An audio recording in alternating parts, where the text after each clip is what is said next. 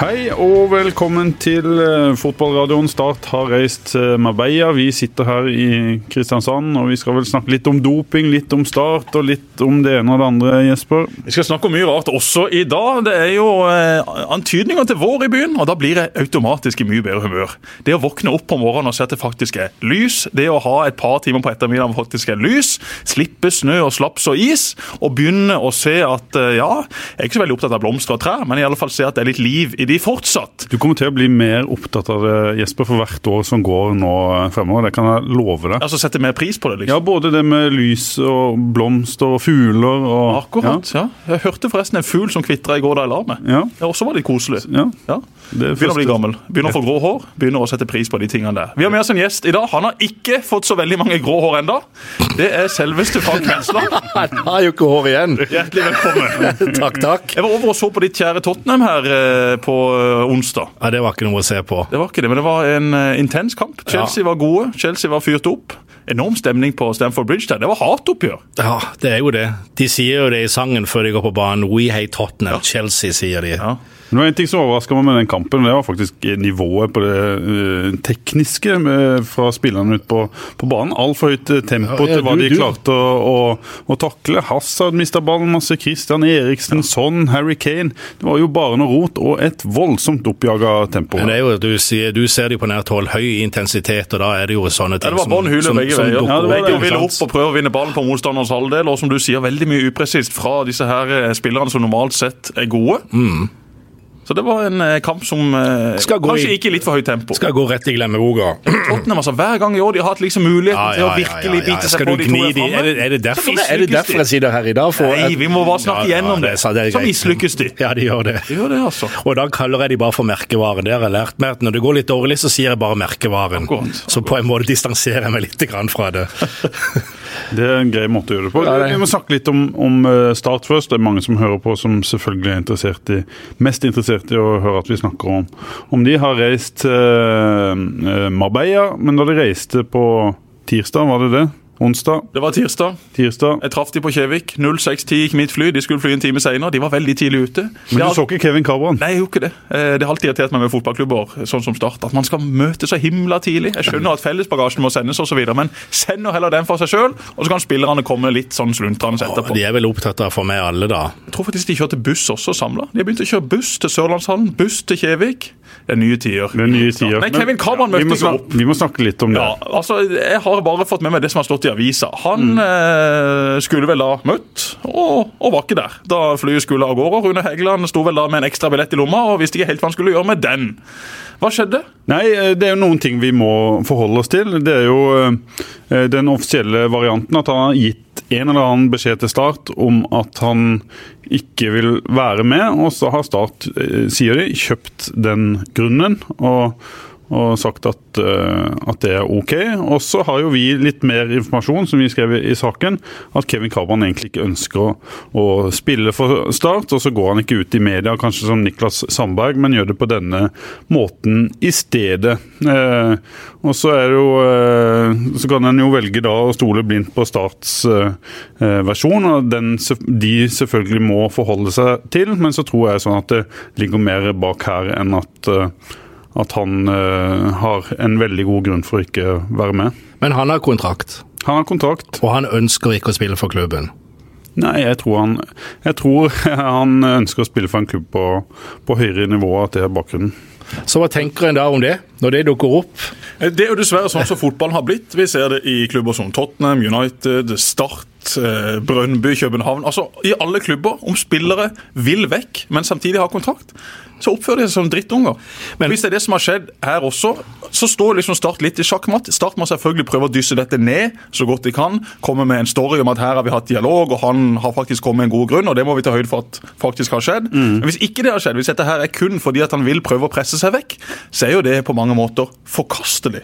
Du har en kontrakt som har brukt mange millioner på å hente det, som bruker flere millioner på å lønne det, som har lagt alt til rette for at du skal prestere, og så har han kanskje ikke slått til sånn som veldig mange trodde, og så vil han nå vekk. Og det vil selvfølgelig også agenten prøve å få til, for hvis han får flytta Kevin Kabran fra Start til en svensk klubb eller en annen klubb, så tjener han han penger. penger. Han tjener penger for hver eneste overgang, for hver eneste kontrakt som blir signert. Så Det er selvfølgelig i hans interesse.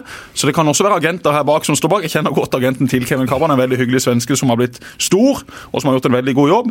Men han kjenner selvfølgelig også gamet.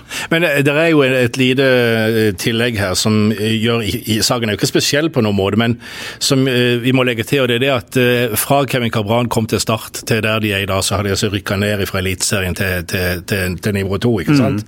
Og, og det er klart at han er i sin beste fotballalder, og han har nok for sin egen del av karrieremessige hensyn lyst til å spille på øverst nivå et sted, komme i et utstillingsvindu hvis han har en god kontrakt i seg igjen, f.eks. Um, og, og det er nok et, Jeg tror ikke dette hadde oppstått hvis Start hadde fortsatt vært i Eliteserien. Antageligvis ikke. Tenker jeg får. Vi var fall ikke med Sandberg, og så får vi holde Kabran. Vi vet jo ikke helt hva som har skjedd, Nei. og, han har jo ikke vil snakke og ikke sagt noe Men enda, så vi skal være, være forsiktige og snakke litt Men på la oss snakke generelt Sandberg, da, grunnlag. som, Ja. som, som på et vis var veldig verbal offentlig og er i Haugesund nå, ikke sant? Altså, Men jeg liker jo mye bedre, hvis dette er to forskjellige måter å gjøre det på, så ser jeg at Kabran på en måte blir hylla fordi han ikke går ut i media. Jeg liker mye bedre Sandbergs Som er ærlig om det. Ja. Ja. Jeg liker mye bedre den måten å gjøre det på. At han vil spille på et høyt nivå. Haugesund Sandberg eh, var ute og meldte igjen, han. Ja. Selvfølgelig vil Cabran komme til, til oss. Vi rundspilte jo Start her om dagen. Og det sa han i en podkast med glimt i øyet. Det, Ja, ja, ja. Og, men, men så er Haugesund De har en veldig god mann eh, i medieavdelinga si, som er morsom på Twitter. I går så er det at Sandberg var da avbilda i et sånn et eh, lite lærerrom, og så opp på lerretet så sto det 'medietrening'. så det var meget elegant håndtert av Haugesund. Ja, det var vel Sandberg som påstod dette. Det var Sandberg som posta, men Han har vel garantert fått hjelp av noen i Men i klubben. men jeg, jeg liker faktisk bedre den eh, måten der. Og så er det jo folk som kaller det et spill, at medien driver et spill. Men de som virkelig driver med et spill, er jo klubbene og agentene. Vi, vi vil jo ha alt frem på bordet. Vi vil jo ha ærlighet. Vi vil jo at de snakker eh, åpent om hva de tenker og hva de, hva de føler. Så de som virkelig driver et spill, er jo agentene og klubbene. Og du glemte eh, i den eh, ligninga, og spilleren. For Ja. spilleren er jo selvfølgelig både delaktig, innforstått med hva som skjer, og har et ønske. Og jeg tenker eh, det er litt forskjell på spillere som er i sin nest siste kontraktsesong, for å si det sånn, og begynner å gi uttrykk for at de vil videre av en eller annen grunn. Det kan være økonomiske, det kan være sportslige, det kan være familiære eh, grunner til at de vil flytte på seg. Det er noe streit, sånn som eh, spillermarkedet og overgangsmarkedet er blitt i dag. Men det er klart, her tenker jeg det som hadde vært løsninga, hadde vært å skrive en kontrakt, og det er jo ikke uvanlig at det skjer at ved nedrykk så vil jeg fristilles.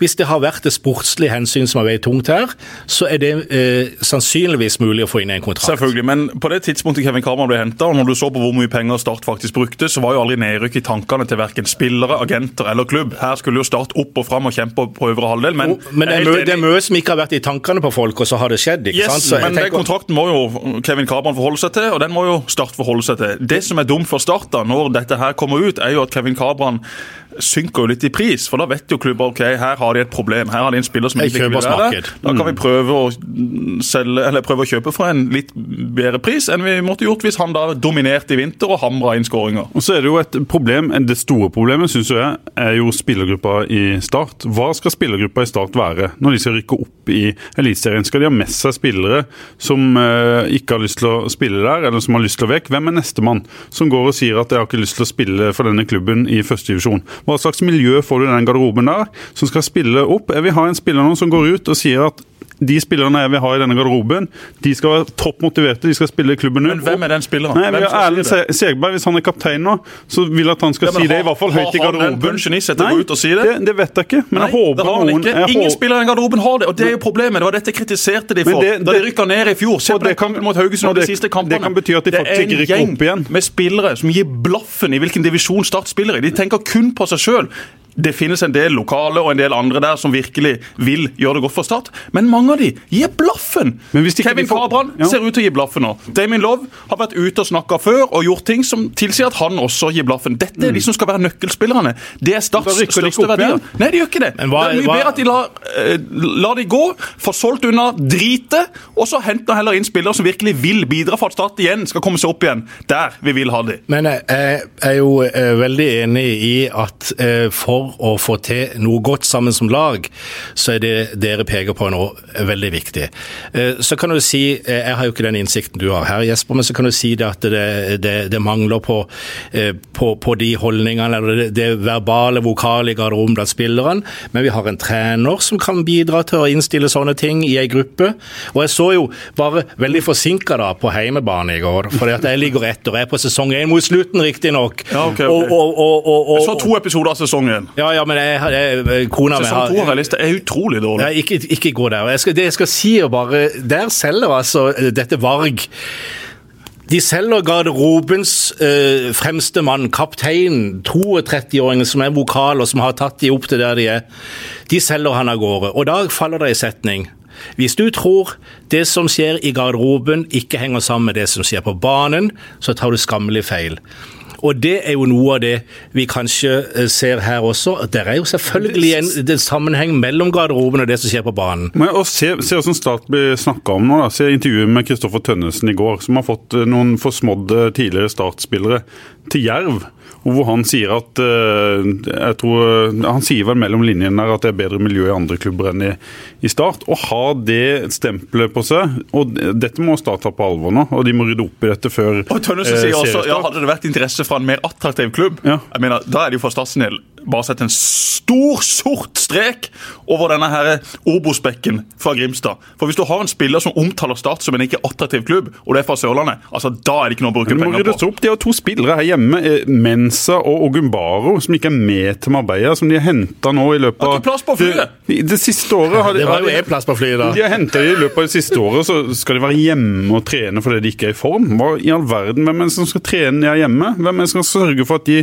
de kommer i form? Start må rydde opp i stallen sin nå. De må få vekk uromomentene før de skal Ja, og det, skal... og det, prøver de jo på så godt de kan, men det er jo ikke så lett. ikke sant? For noen må jo overta disse lønningene. Noen må jo løse ut disse kontraktene på et vis. Og hvilke klubber i Norge vil løse ut kontrakten til Mensa eller Gongbaru når de har sett disse prestere? Det er utrolig vanskelig. Det er ikke så lett å, å, å forvippe de til utenlandske klubber heller. Så Start blir fort sittende med disse ut kontrakten. Det koster penger, det koster energi, og det er absolutt ikke bra for gruppa hvis de skal gå rundt og surmule og være misfornøyde og egentlig bare vente på at kontrakten løper ut. Men dette er ikke uvanlig, og det, det, det begynner å bli lengre og lengre mellom det en kaller for altså sånn klubblojale spillere. Eh, du var jo det. Ja. Du har én klubb.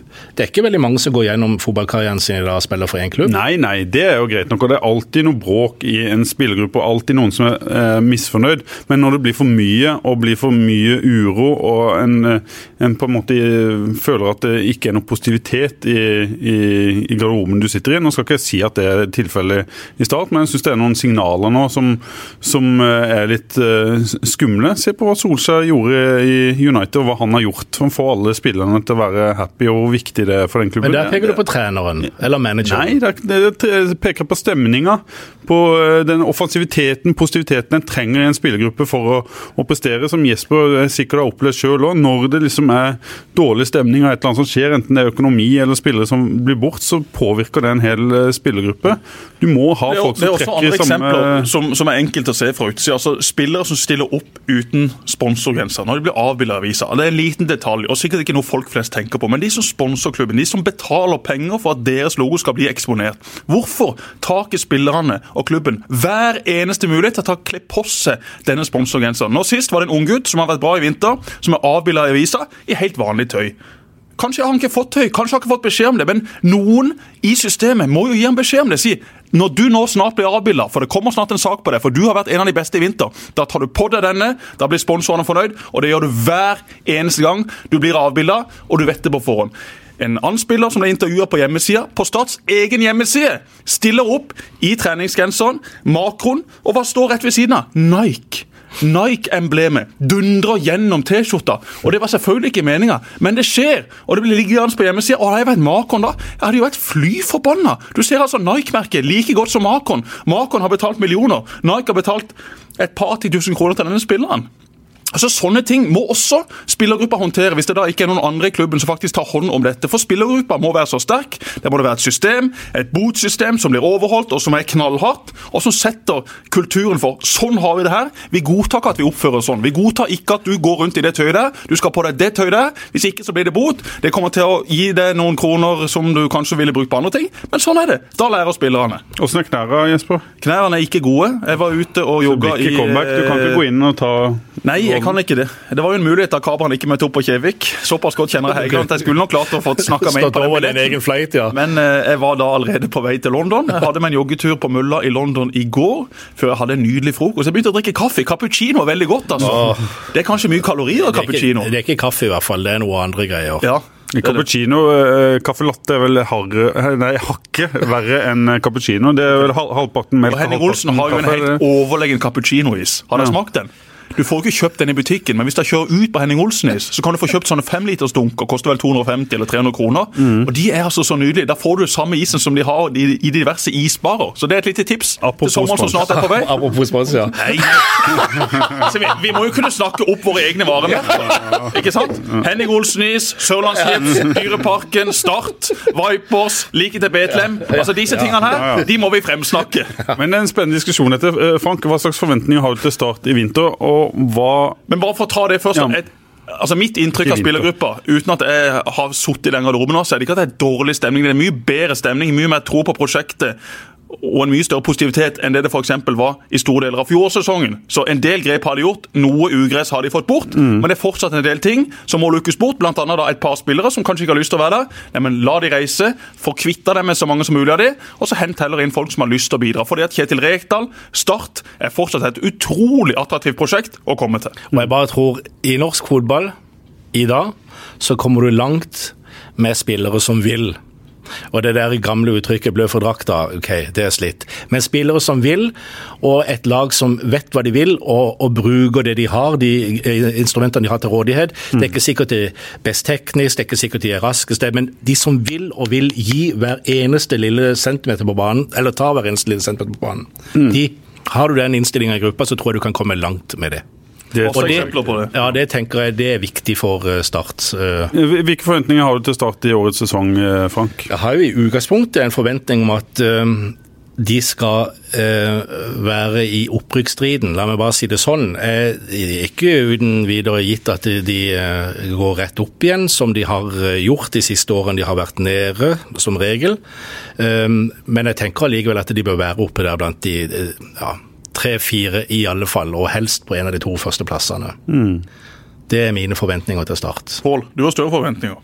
Ja, jeg, mitt, mitt, mine forventninger til Start, og det tror jeg mange følger meg på, er at de skal egentlig være ganske suverene. Kanskje Sandefjord er noe i nærheten, at de to lagene går, går klart opp. Men sånn jeg ser de andre lagene og spillerstandene, så bør Start eh, tatt i betraktning av hva de gjorde i fjor eh, høst også, rykke opp med ja, mellom fem og ti poengs margin. Ja, helt enig. Hvis ikke Start rykker opp med den stallen de har nå, og med det laget de har, så er det en dundrende fiasko. Det å stille til start med en sånn en dyr stall som egentlig er full av kvalitetsspillere, det skal egentlig bare være en garanti for at du rykker rett opp. Du mm. har Sandefjord, som jeg også tror kommer til å bli gode. Det kan godt være at de matcher Start. Om du blir én eller to i Obos-ligaen, det har null og niks å si for meg. Det eneste som teller, er å rykke opp, men innad så det er klart mål om at Start skal vinne den divisjonen og jeg tror nok Kjetil Rekdal gjerne kunne tenke seg å sette poengrekord. Mm. Det er ikke sikkert blir så veldig lett, men målet, lista, den ligger i alle fall der. Ålesund har et OK lag, men de er på vei ned. De har ikke de samme spillerne som Start. og jeg har ikke helt eh, troa på at de skal være med og kjempe om et direkte opprykk. Jeg så masse Ålesund-kamper i fjor høst, og det laget der, eh, bl.a. de kvalikkampene de gjorde mot uh, Ullkisa, der de riktignok gikk videre, men det var jo helt utrolig. Ja. Det var så svakt at ja. Samme Sogndal, som på sitt beste har et solid og godt lag, men Ramsland og Skjolse og co. De, de, har ikke det nivået inne som lag og som stall, så de også tror jeg vil ende litt bak Sandnes Ulf. Er det jo fortsatt mange i Rogaland som håper og tror på, men de ser altså helt utrolig dårlig ut. Nå ble de mm. rundspilt av Ullkisa. Hadde en uh, ja, en fryktelig kamp. Keepertabber, elendig forsvarsspill. Bengt Sveternes ser absolutt ikke til å, å få det til, så, så de er liksom uh, Men får vi, hvem blir overraskelsen? Får vi et Skeid? Får vi et, et, et uh, Ikke Bærum, men hva heter det andre Oslo-laget? KFUM Oslo som Koffa, som nei, gikk opp? Nei, nei, nei, De kommer til å sjarmere, kommer til å spille morsom fotball, både Skeid og Koffa, men aldri i liv om de kjemper om et direkte opprykk. Nei, ikke Jerv heller. Jeg håper og tror at Jerv gjør det bedre enn i fjor, at de er med og kjemper om kvalikplassene. Men at de er med og kjemper om direkte opprykk, det tviler jeg på. Jeg har jo en softspot for Skeid av Oslo-lagene. da. Ja. Jeg syns de gjør mye bra. De eh, tenker annerledes eh, når det gjelder breddefotballen eller juniorfotballen også. Eh, litt sånn framsynte der og går sine egne veier. Og er jo en tradisjonsrik klubb. Bakstrever skal vi kanskje andre si, da. Jo, jo, men de er i hvert fall framme i debatten og preger debatten, som, mm. som, som er i, i yngresfotballen. Og, og, og, har jo et, det er jo et velklingende navn fra Torshov, med, med Toro i sine beste da spilte jo på Skeid. Jeg husker når Paul Miller var på Skeid og spilte mot Start på Dette husker ikke Nei, dette husker ikke jeg, Paul, Paul Miller spilte på Start på Skeid. Og på Tottenham. Engelskmann. Shade og Tottenham. Ja. Paul Miller. For en, for Spilte på Kristiansands Ja, det er en fantastisk kombo. Ja. Men, Så er det Tom Nordli, da. Og Tom Nordli. Så jeg, det hadde vært, Tom, han er klar. Jeg syns jo det hadde vært gøy hvis Shade hadde på en måte satt sitt preg på divisjonen på et eller annet vis. Ja. Absolutt, og da er det utrolig imponerende. For den stallen de har, og så mye penger de faktisk bruker, det er jo en gjeng med unggutter som er ledet av en eh, meget flink og rutinert kar i, i Tom Nordli de kommer til å dundre på med høyt press. De kommer til å spille sånn som Tom alltid har gjort. Så mm. jeg gleder meg til å se Skeid i år. Så du Kongsvinger og HamKam. Jesper, er det, er det noen lag liksom du ser kan, kan gjøre noe her? Ikke opp mot Start. Nei. Det er ikke det. Men jeg må bare spørre, med Start, du spør forventninger. Mm. Og så, så, går det, så går de første tre-fire kampene, og så blir det et poengtap her, og kanskje et tap på bortebane der. Det kommer. Ja, men i, i innledninga til sesongen og så begynner det å spre seg litt. Og Hvem er det da som skal ta tak i, i laget og si hør nå her gutter, nå må vi skjerpe oss, nå må vi Det er bare det er derfor jeg sier okay. Det kommer Kjetil Rekdal uh, garantert til å gjøre. Så er spørsmålet hvordan uh, spilleren responderer. Er det en som uh, kan være knalla mot en spillergruppe? Vi har sett Kjetil Rekdal både med livekamera og også i intervjuer, hvor han på en måte ikke er redd for å ta folk knallhardt og si at dette holder ikke. Hvis du ikke klarer dette, så kan du ikke spille her, nærmest. Enten det er å snu ræva til, eller om det er å, å, gå i press, eller hva det er. Så jeg, jeg tror nok den Jeg tror nok folk er, om ikke redde, så er villige til å ofre ganske mye for å få han fornøyd. og Det er veldig viktig. Jeg håper dere har rett, og at det er for pessimistisk. Og så håper jeg uh, at de bare rykker opp. Uh, for, på, for en gangs skyld, for første gang på veldig lenge, så tenker jeg at uh, spille åssen det ser ut. Det må være noe system, men det skal ikke være sånn, det må ikke være festfotball for meg. Bare de får de tre poengene i sekken. Kamp etter kamp etter kamp. Faren er det vi var innom tidligere. At det er en utrygghet, at det er en uro i spillergruppa som en ikke klarer å hanskes med. Men det virker som Rekdal er veldig tydelig på hvordan han vil ha det, og han lar folk være hjemme fordi de ikke kan, kan bidra. Og så er det veldig viktig at, at, de som på en måte holdes utenfor, ikke er med og preger det som skjer tar, på innsida. Hvis du tar laget ledd for ledd, så er det mm. nesten eh, sånn at en del eliteserieklubber hadde bytta bort eh, de fleste leddene de har, og bytta ut med de starta. Ja. Hvis nå Damon Love blir i klubben, så har du han og Jørgensen bak, i tillegg til Espen Hammer Berger, som har en fin høst. Berger, ja. Og da har du ei, ei veldig god trebackslinje i mål. I mål, eh, klassekeeper. Han nye fra Hønefoss også har imponert. Han var mm. banens beste mot Jerv, redda et flott straffespark. og Ser ut som en spennende type som sikkert kan lære mye av både Birkeland og Dormeland. Mm. Og så på midtbanen så har du også Segberg, Christensen, Aremu.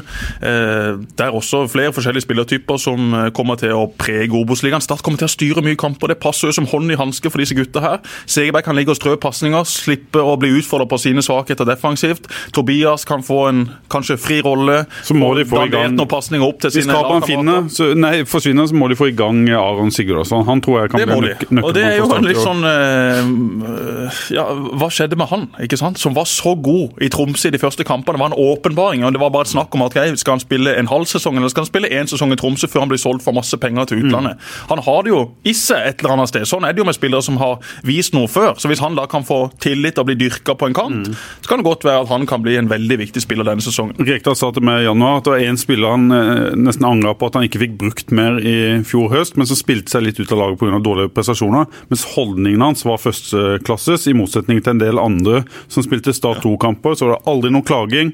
Han syntes han jobba godt i, i, eh, kampene, og at han er en kanskje mer profesjonell type enn det de fleste tror. Aron eh, Sigurdarsson. Så gikk nok eh, selvtilliten hans eh, ganske langt ned etter hvert i, i fjorårssesongen og var prega. Men jeg tror ikke det er så veldig mye som skal til der. Eh, et mål i serieåpninga eller noen gode prestasjoner, så tror jeg han kan bli en veldig viktig mann for Start i, i 2019. Eh, Litt sånn uh, avgjørelser som vipper i positiv retning ja. istedenfor. Det kan ofte være det lille som skal til for at du bare tar av eller presterer veldig bra. Man skjønner det at han, eh, dette er et lagspill, at han ikke skal gjøre ting på, ja. på egen hånd. Han, har, han, er jo en sånn spiller som har lyst til å være helten og skyte på alle frispark. Det er jo sånn som du og meg skjønte på når vi spilte fotball. ja. Det leker, så må vi ha forventning om at han skal bøtte inn godt med mål for Start. Eh, han uh, skåra et fint mål mot Haugesund. Meget fint mål mot Haugesund. Det var et av, det de, målet, et av de få lyspunktene Det er. De målene han skal skåre, innlegg fra sida, dunk i mål. Strålende gjort. Og, og han uh, sin gamle klubb Ventspils ble jo slått av Jerv i går. Ventspils uh, rykte om at det var kampfiksing på gang. Det var mye innsatser uh, på Jerv i den kampen. Jerv, de, de, spiller kamp i kveld òg, Ventspils. Det, det er klart, Jerv, Jerv, er ikke mistenkt her, men Nei. Ventspils og lag fra den delen av Europa er jo veldig ja. ofte involvert i kampfiksing i disse kampene ja. på vinteren. Vi har sett det flere ganger. Norske lag som kommer hjem og sier ja, vi slo Rubin Kazan 5-0, vi skal opp og ta medalje. Så du de russiske landslagsspillerne? De hang ikke med overhodet.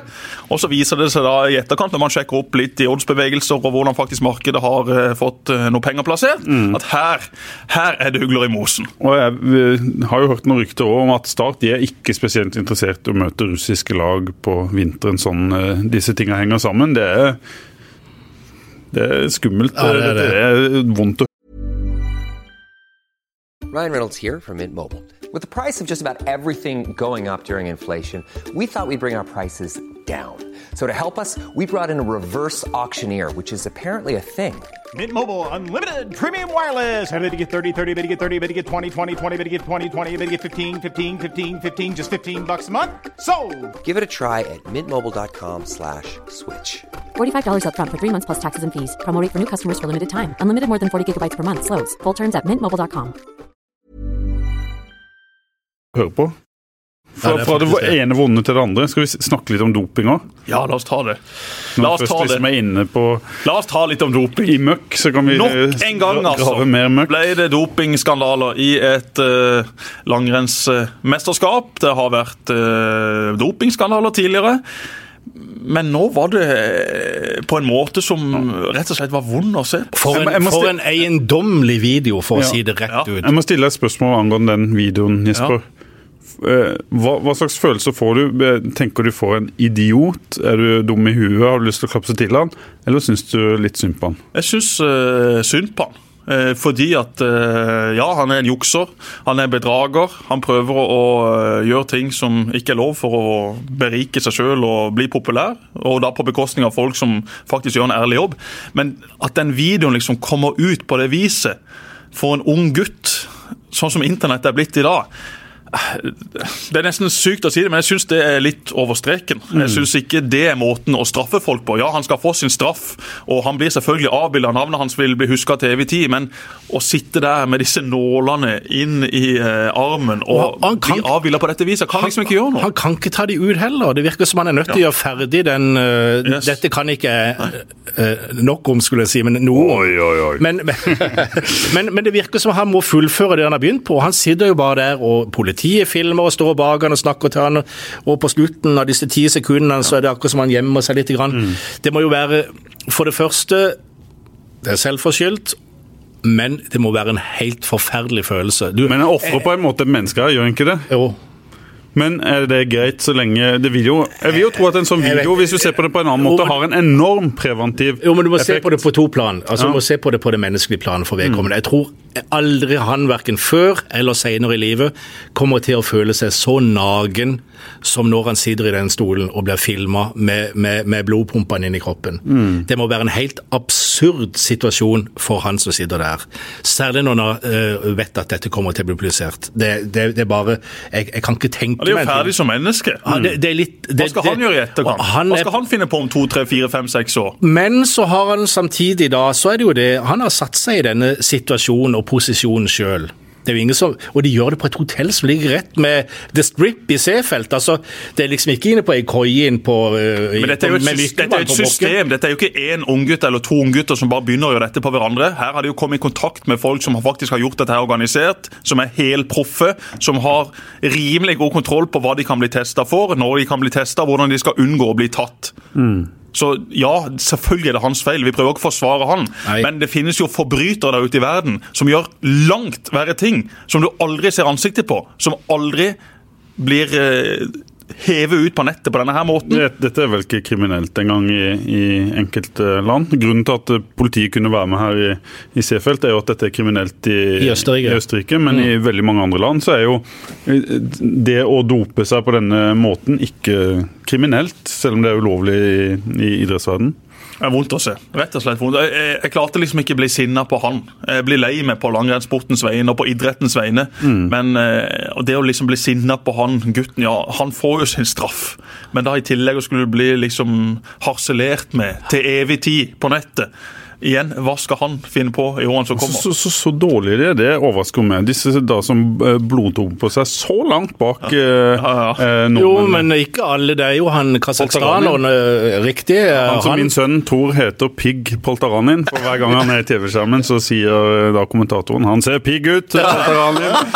Pappa, der kommer Pigg Poltaranin. Men han, men han har jo prestert. Han har jo prestert. Han har prestert. Han og, og, så det er klart at han er jo ikke i det samme laget som Max Hauke eh, som vi ser på denne eh, videoen. Hei, Max Hauke, jeg føler rimelig godt med på lange, men aldri hørt, jeg har ikke hørt om han, ikke sant? Ikke sant? Og det for, eh, hvorfor, altså, Hvordan kan det skje at en velger å gå eh, Jeg må bare spørre. er det jakt etter den gode plasseringa, eller er det jakta etter å ekspo, bli eksponert, og pengene som er i langrennsidretten, og de er jo langt fra like store som i fotballen f.eks., mm. men det er jo penger der også.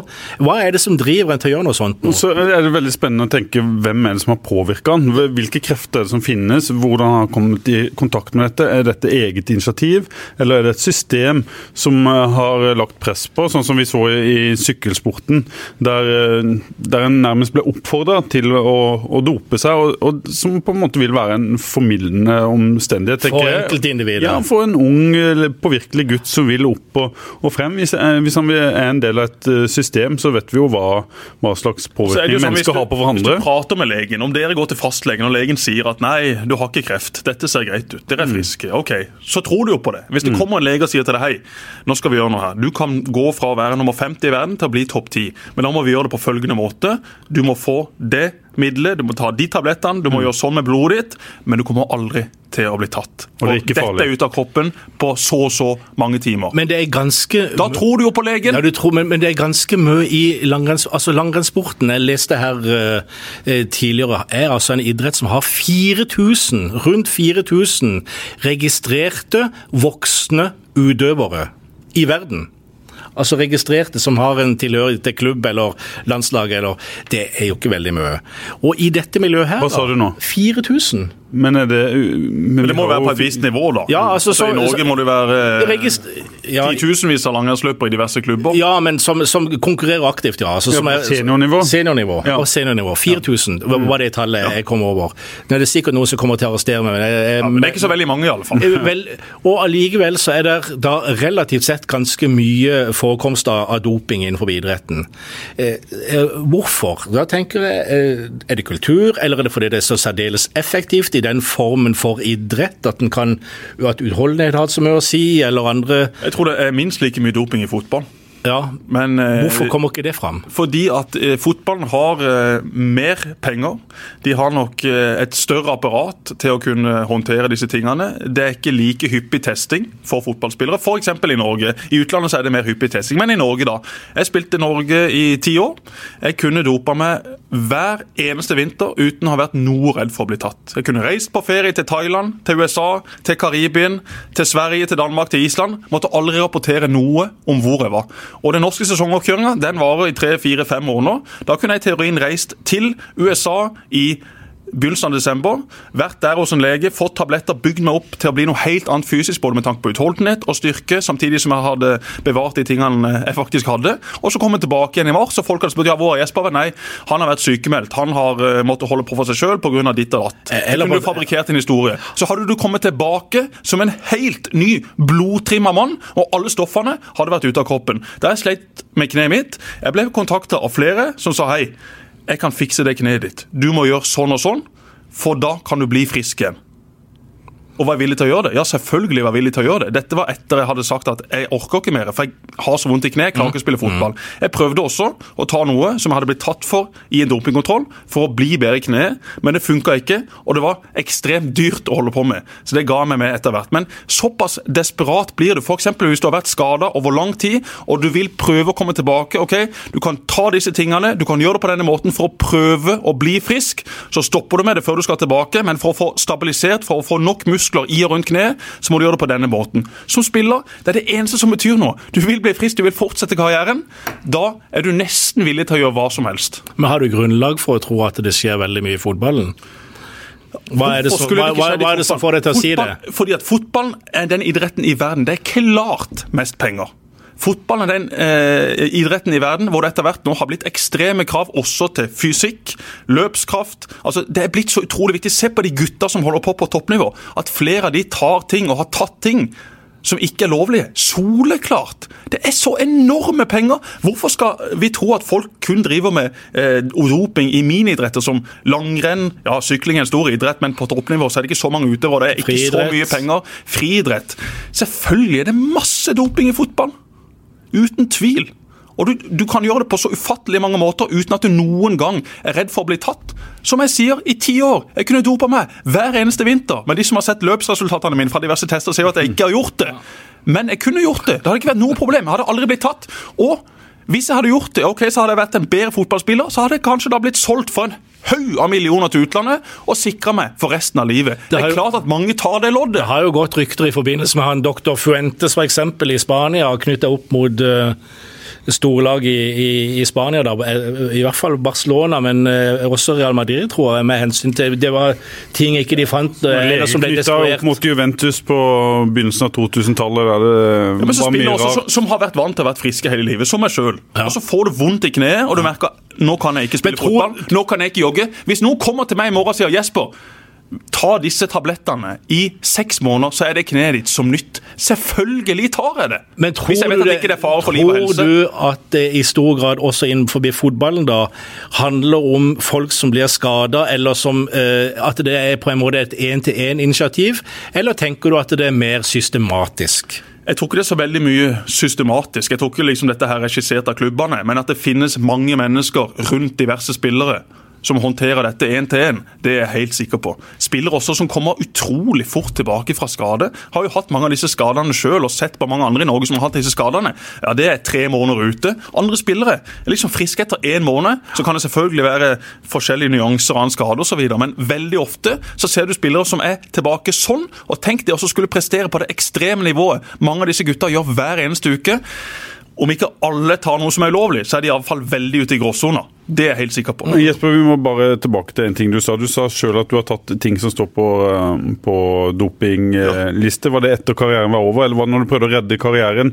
Var du redd for å bli tatt? Det var, det var jo en Nei, jeg interessant jeg jeg, i, i, Ja, ja, opplysning. nei, jeg var ikke redd for å bli tatt. Dette var etter jeg hadde gitt beskjed til Start om at jeg klarer ikke mer. Eh, Jeg var begynt i TV 2, eh, men jeg hadde selvfølgelig en drøm om å komme tilbake. Men da måtte kneet mitt begynne å fungere igjen. Ja. Og da tok jeg noe. Jeg trenger ikke gå inn på akkurat hva det var. Det var ikke noe farlig for liv og sånn helse. kortison Eh, Ja, Det var iallfall et eller annet som eh, ble plassert i kroppen min Ja. eh, for at kneet skulle bli bedre. Ja. At eh, Muskulaturen rundt kneet skulle ordne seg, Mm. og at kneet skulle begynne å kunne strekkes helt ut igjen. Det tok jeg da.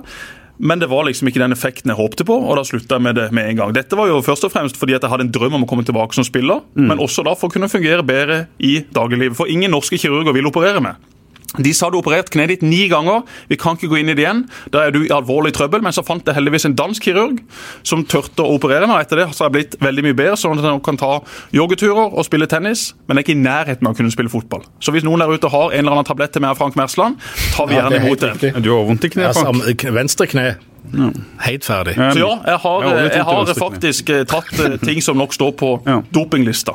Men jeg har aldri gjort det som aktiv fotballspiller. Nei. Nei. Men hva tenker du skal til det?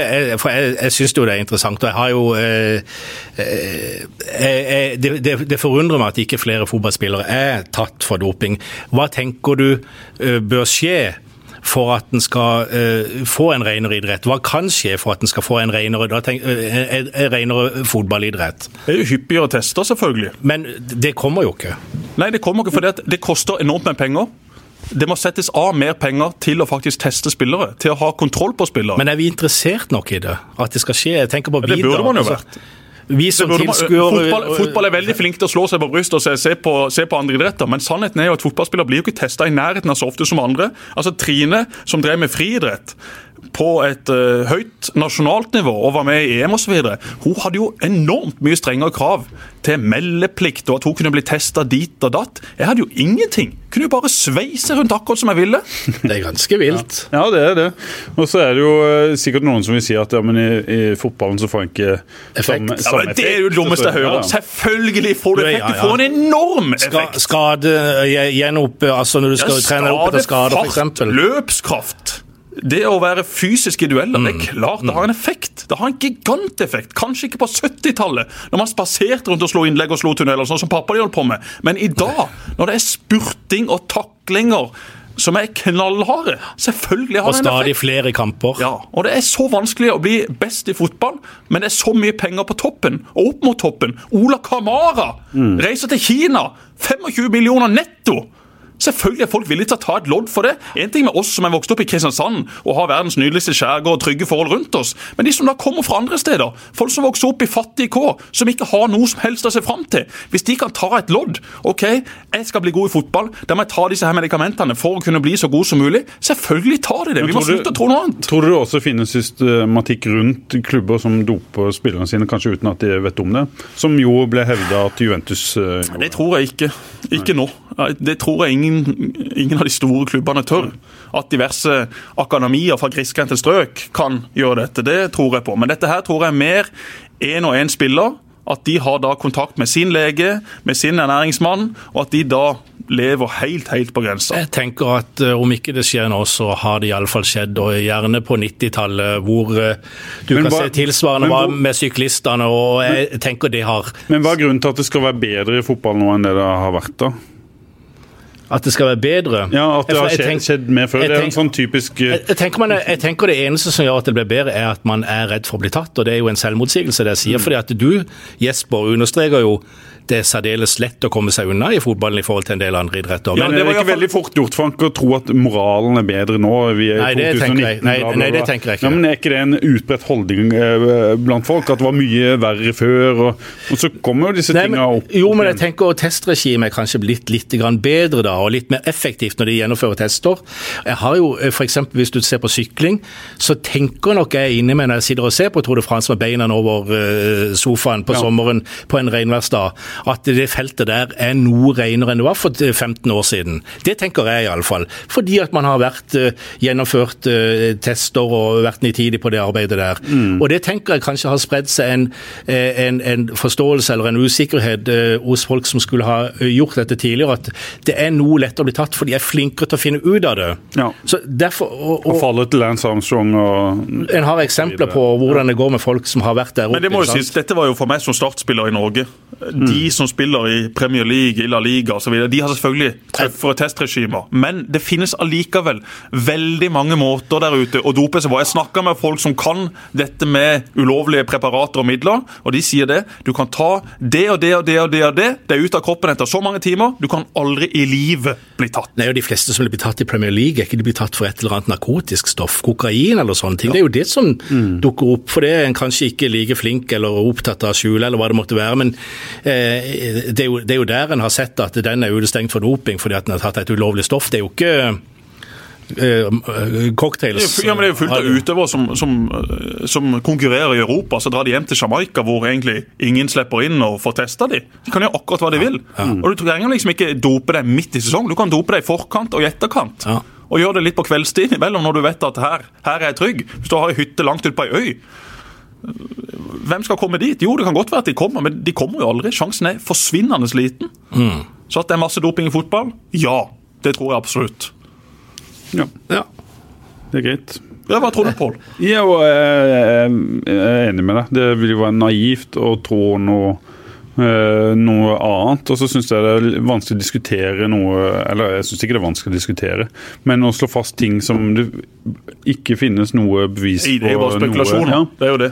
Men eh, håper jeg, for oss som har fulgt fotballen, og som har vært der, og som kan ja, prøve å tenke på hvor mye penger det er der. Men jeg er mer skremt over at jeg har en sånn gnagende følelse at det kan være i toppfotballen nå, og at det er så mye penger i toppfotballen at det faktisk Ingen er interessert i å avsløre det? Nei, at hvis det blir avslørt, så finnes det måter å uh, omgå det på. og Det har vi òg hørt eksempler om, og det spekuleres om Ronaldo og det ene og det andre som har blitt tatt i dopingkontroll, men så er Det er inngått avtaler i 500 millioner kroners klassen på tenk, Og den idretten din, ishockey, det er jo kanskje Og amerikansk fotball, der ja, går det jo Selvfølgelig. Selvfølgelig. Ja. Knasker jo tabletter morgen og kveld. Ja. Ja, 82 kamper ishockey, 82 kamper i NHL i en regulær sesong. De reiser og spiller kamp eh, eh lørdag, og så spiller de kamp søndag eh, tidlig ettermiddag. Nei. Nei. Jeg bare sier, jeg tenker det er utopi å tro noe annet enn at eh, de bruker eh, alt de kan, og kanskje litt mer til, for å holde eh, knær og skuldre og bein i orden gjennom en beinlang sesong. Ja, det samme tenker du jo på i friidretten. Ok, Usain Bolt han løper altså nesten sekunder raskere enn en haug av folk som har vært bloddopa, som også var veldig, veldig veldig raske. Mm. Han er aldri tatt i doping, så vi skal selvfølgelig ikke si at han er dopa, men man tenker jo sitt når han da bare spaserer seg inn til tider ingen andre i verden noensinne har vært i nærheten av, og kommer fra Jamaica, som har en enorm dopinghistorikk. Han har en haug av kompiser som er tatt i doping. Hvis han hadde da blitt tatt i en dopingkontroll, hva er mest verdifullt for friidretten? For tatt han og utestengt han og satt et eksempel, eller egentlig bare la han holde på og la han være den største stjerna i verden? Det er selvfølgelig bare la han fortsette. Jeg det spørs, hva, det spørs jo hva du måler, da. Du, hva slags verdi du måler. Om du måler penger og Ja, men De siste ti årene, hva hadde friidretten vært uten Usain Bolt, sammenlignet med hva det faktisk var med han? Det er klart, du har et, poeng, har du et poeng, og det tenker jeg du har innenfor fotballen òg. Ja. Det er så mye penger involvert, og det er så mye avtaler og interesse. og eh, jeg, jeg, tenker langt på vei at du i dine antakelser eh, jeg vil følge deg der. Eh, jeg tror du har mye rett i det. Som at jeg gikk trappa i dag morges. Det er så vondt å gå ned trappa. Jeg må gå baklengs ned trappa. Ett og ett steg kan, kan vi, ned på ett og ett. Kan vi filme det neste gang? Ett og ett trappetrinn. Altså, det ser himla dumt ut Du bruker et kvarter på å gå ned 15-16 trinn. Hvis da noen hadde kommet inn til meg, Jesper, ta nå de her tablettene, eller sett nå den sprøyta, så blir du bedre. Ja, takk skal jo, du ha. Nå kan jeg jo bytte ut knær, eh, Jesper. Er det, det ja, men kan du bytte ut i en alder av 32? Nei, du, vente, til, du må vente til du er 54. Ja. Jeg er litt, jeg er litt der. Ja, jeg må men... vente. Jeg kan ikke begynne å skifte knær allerede, for da må du skifte flere ganger. Og for hvert år som går, så blir disse her kneprotesene bedre. Så etter hvert skal jeg selvfølgelig bytte, men ikke enda. Jeg kan ikke det enda. Altså. Riktig tenkt. Ja. Sånn tenker jeg. Ja. Kan man få knær liksom, som gjør deg raske, eller Men noen fjærer, eller? Ja, kan jo dra det helt langt, sånn som han der uh, Pistorius. Ja. Eller han uh, Pistorius? Ja, han som dundra, dundra ned kona si. Jeg skal ikke le. Nei, nei, men han gjorde det. Det var jo en stygg sak, det. Ja, men eh, han, han, klarte jo faktisk å løpe uten, uten eh, fra knærne og ned. Ja. Men jeg håper å slippe det. Mm. det. Er det noe mer vi må innom før vi eh, sender deg på bussen til Oslo, Frank? Jeg skal inn og spille ishockey på Voldsløkka klokka fem. Ai, ai, ai. Gleder meg. Du reiser til Oslo for å spille hockey. Ja, og litt til, da. Men eh, muligheten bøyer seg. Da må vi jo ta med, da må vi ta med skøytene. Akkurat. Nei, nei, noe mer å diskutere. Det er, uh, vi er på vei inn i mars. Vi har diskutert eh, Start, vi har snakka om doping. To uh, interessante temaer, begge deler. Vi snakker litt om legender, men det er kanskje for et annet program. Nei, vi kan godt snakke litt om legender For vi, før vi gir oss. det handler jo litt om altså litt, vi Lojalitet. Trekker tråden tilbake til der vi var med, med vi begynte med Kevin Cabran, ikke sant, som Ja, ja, ja, så. Ja. Litt interessant, for vi diskuterte jo det på morgenkvisten. Hva skal til for å bli en legende? Altså, og det, Da snakker vi umiddelbart om lojalitet til en klubb er veldig viktig, og så er det prestasjoner, eller en væremåte som er litt på sida. Eh, Så bruker vi legende i veldig forskjellige former. Eh, Ole 20 Legend, ikke sant? Men han er en legende, og han er vel kanskje først og fremst en legende av to årsaker. Han forble trofast mot United, og han skårte i Champions League-finalen og sørga for at de vant Ja. i 99. Og så kommer han tilbake nå og gjør det han gjør, og bare understreker det jeg vil rettmessig kalle legendestatusen sin blant United-fans. Men hvem er en startlegende, f.eks.? Det er interessant, syns For meg er det ikke så mange. Hans eh, far, Svein Da er vi på én, der, der er vi enige.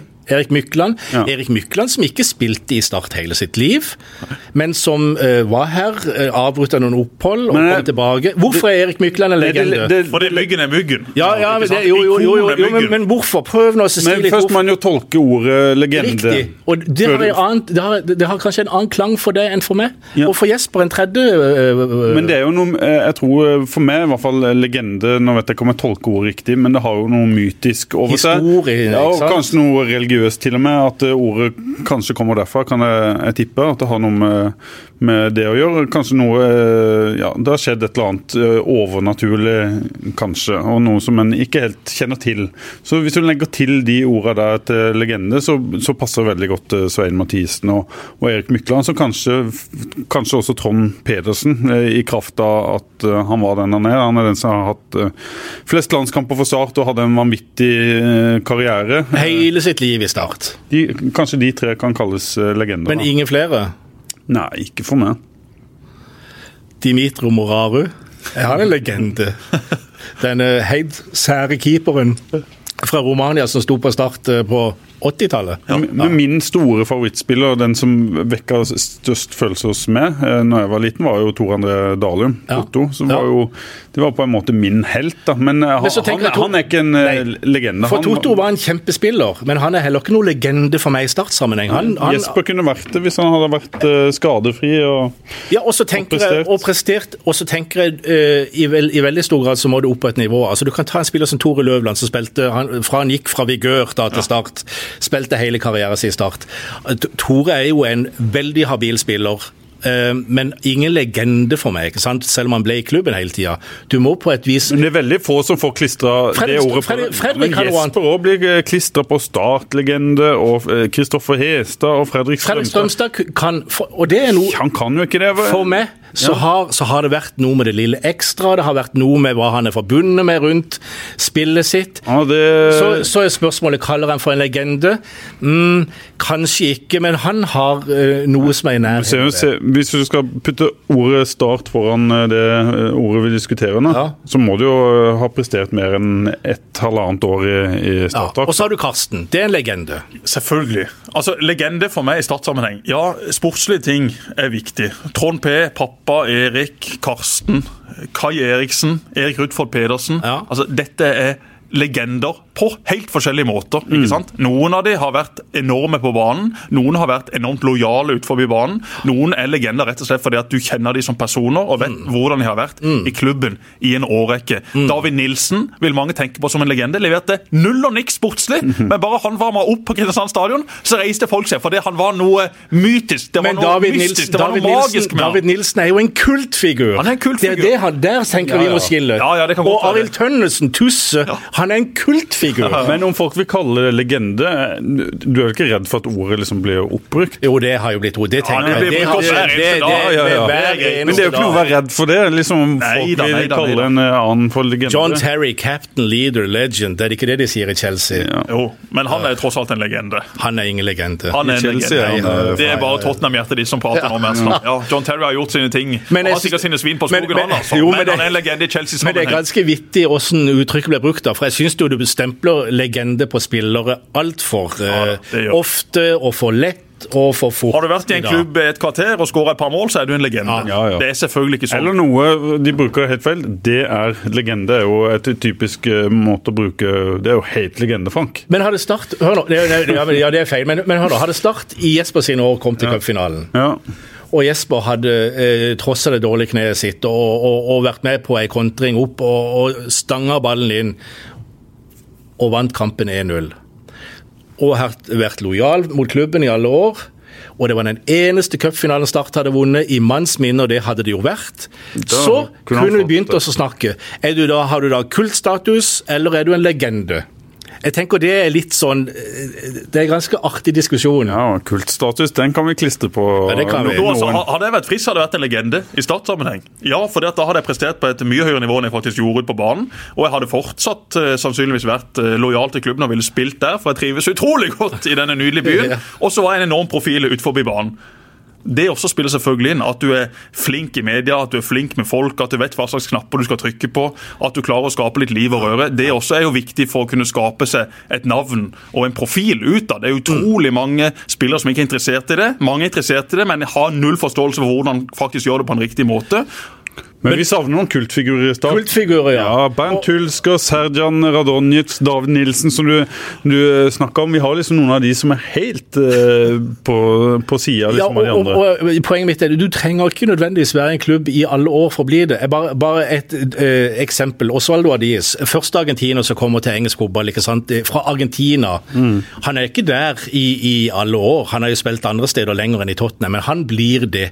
Pga. det som skjer, pga. Med Falklandskrigen, kommer tilbake og alt dette. Måten han ter seg på. Han er en legende. Leddy King, som spilte med et dårligere kne enn ditt, spilte i klubben i alle år til han ga seg som 29-åring. Han er en legende. Altså, så det trenger ikke- det, det må, Men det må være noe rundt. Ja, det må være noe jo- ekstra. Har ikke han mista den? Nei, nei.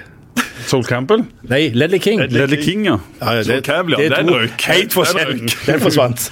Ja, jeg er helt enig, men da jeg også vokste opp, satt på stadion, Osmar Nyan, Stian Ord hadde jo ikke eh, legendekarrierer i Start, men for meg som ung gutt så var de mine startlegender. Mine store starthelter, eller hva vi skal kalle det. Ja, legender blir brukt altfor mye, Frank, men vi har da mange større problemer i samfunnet nå. Ja, det er helt riktig. vi gidder ikke diskutere Nei, det er greit. Det er for eksempel hvis du går ned på Agder Teater. Frank Mersland, legende omtales han som. På grunn av hans da meget fremtredende rolle i Like til Betlehem. Oh, Jesper. Ja, men der får du også legende. Ja, sånn er det. Jørgensen Ja. vil stå igjen i Fevens historikk som en legende. Antagelig. Ja. Hvis jeg, og det er jo på en måte mitt mål med journalistkarrieren, at jeg får det Jørgensen kjent for å ta den ene starttreneren etter den andre til giljotinen og bare kappe huet av. Ja, legendestatus. Men nå går bussen. Gå bussen. Lykke til, da. Takk. Skal spille med Viggo Strømme. Ja. Hils så mye. Jeg skal prøve. Jeg skal, jeg skal gruse han. Takk for i dag.